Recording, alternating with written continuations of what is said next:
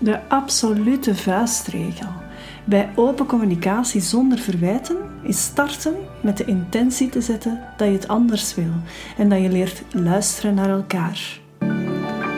Welkom, ik ben Annemie en je luistert naar Amami Moments, een podcast over liefde vinden, duurzame relaties en het vrouwelijk ondernemerschap.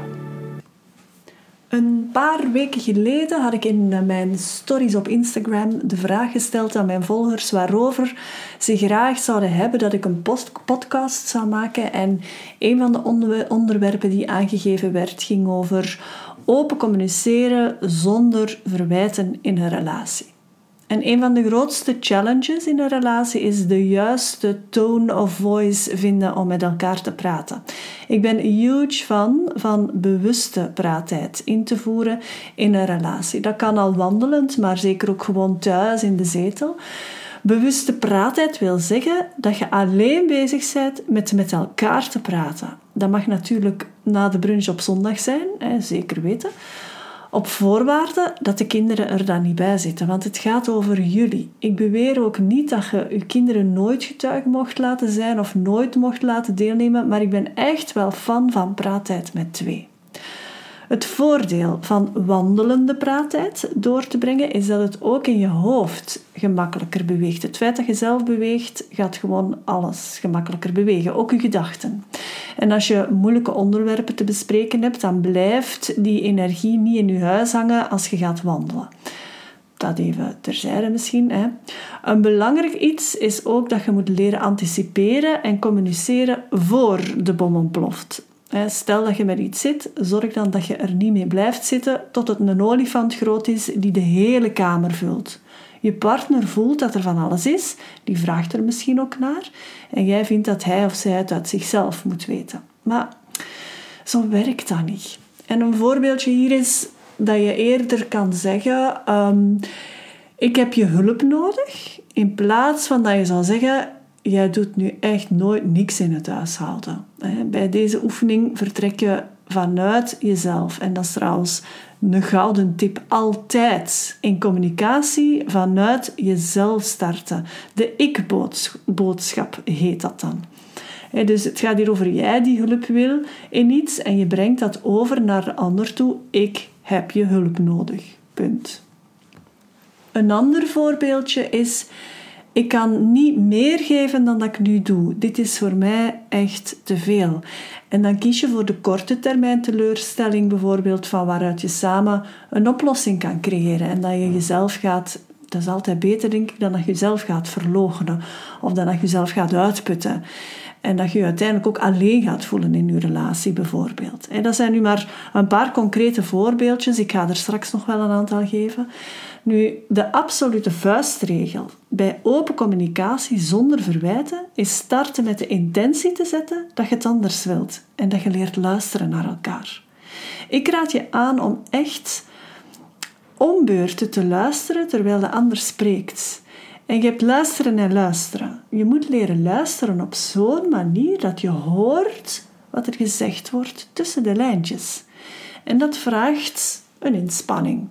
En hier start het verbindend communiceren. Nu, hoe doe je dat nu heel concreet? Ten eerste, neem waar wat er echt is.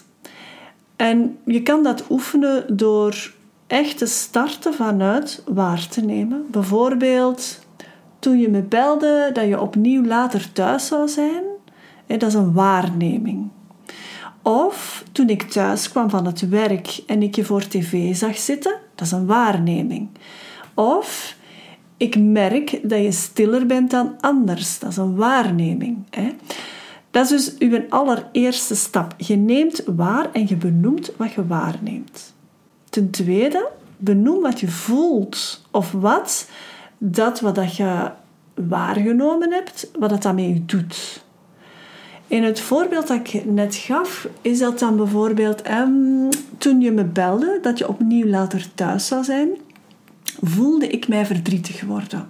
Dat is een voorbeeld. Je kunt je ook anders voelen natuurlijk, hè? maar het gaat erover dat je je gevoel, dat wat er is, benoemt. Of toen ik thuis kwam van het werk en ik zag je voor tv zitten, voelde ik irritatie en onrust in me opkomen. Zorg dat je niet in de val trapt van hier te zeggen, kreeg ik het gevoel dat ik weer alles alleen moet doen. Of terwijl ik ook een drukke dag heb gehad, bijvoorbeeld. Hè, dat zijn al interpretaties die snel naar een verwijt kunnen evolueren. Ten derde, benoem je eigen behoeften dus. Toen je me belde dat je opnieuw later thuis zou zijn, voelde ik mij verdrietig omdat ik de behoefte heb om meer met je samen te zijn.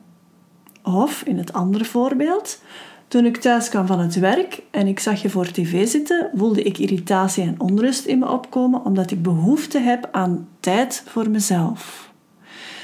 Dus dat is het benoemen van je eigen behoeften. De vierde stap: stel vragen om de ander uit te nodigen om te reageren. Voorbeelden daarvan zijn: hoe is dat voor jou? Of hoe zou dat voor jou zijn? om meer tijd samen door te brengen? Hoe zou dat voor jou zijn uh, als ik wat meer tijd voor mezelf neem? Je kunt ook vragen stellen om te verduidelijken wat de ander zegt. Wat bedoel je hiermee bijvoorbeeld? Of kan je dat nog even verduidelijken? Of hoe kan ik jou daarin helpen? Of wat kan ik hierin betekenen voor jou? Het voordeel gaat zijn dat je veel minder geneigd gaat zijn om eigen invulling te geven of uit te gaan van veronderstellingen. Want als dat gebeurt, dan gaat er alleen maar voeding gegeven worden aan een eigen verhaal dat je invult voor, vanuit jezelf en vanuit wat dat jij voelt en vanuit hoe dat jij het ziet en hoe dat jij het ervaart. En dat wil je voorkomen. Want vaak is dat dan de voedingsbodem om te gaan verwijten. Ehm, dus vragen stellen tot het heel duidelijk is wat er juist bedoeld wordt.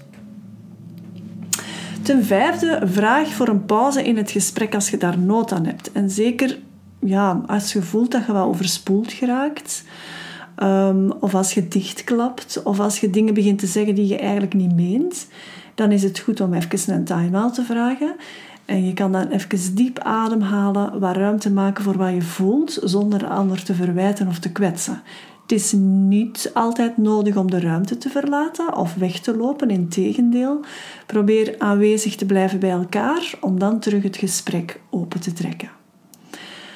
En dan misschien nog een laatste tip. Vermijd woorden zoals nooit of altijd. En je doet nooit iets in het huishouden of uh, je bent altijd bezig met je telefoon. Dat zijn echt dooddoeners en dat helpt jou niks vooruit. Een ander um, belangrijk hulpmiddel bij die techniek van verbindend communiceren is dat je echt moet proberen om niets persoonlijk te nemen. Ehm, het is een uitnodiging, zou ik zeggen, om wat te gaan uitzoomen. Dus niet te gefocust zijn op, wat, ehm, op één aspect van de ander, maar eerder wat gaan uitzoomen beter naar het grotere geheel. En beseffen dat alles wat iemand anders zegt, denkt en doet, dat dat in C niks over jou zegt, maar alleen over de persoon die dat zegt, denkt en doet. Zorg er dus voor dat je daar bij jezelf verantwoordelijkheid in neemt. Dus jij bent verantwoordelijk voor wat jij zegt, denkt en doet. In de workshop Radicale Eerlijkheid en Communicatie gaan we daar zeker dieper op in. En als je daar interesse in hebt, check dan zeker de link bij deze aflevering. Ben jij een ondernemende vrouw en wil jij te weten komen hoe ik jou kan helpen bij het aantrekken van de juiste liefdespartner? Boek dan een gratis matchcall die je kan inplannen via de link bij deze podcast. Ik ontmoet jou graag in een volgend Amami Moment.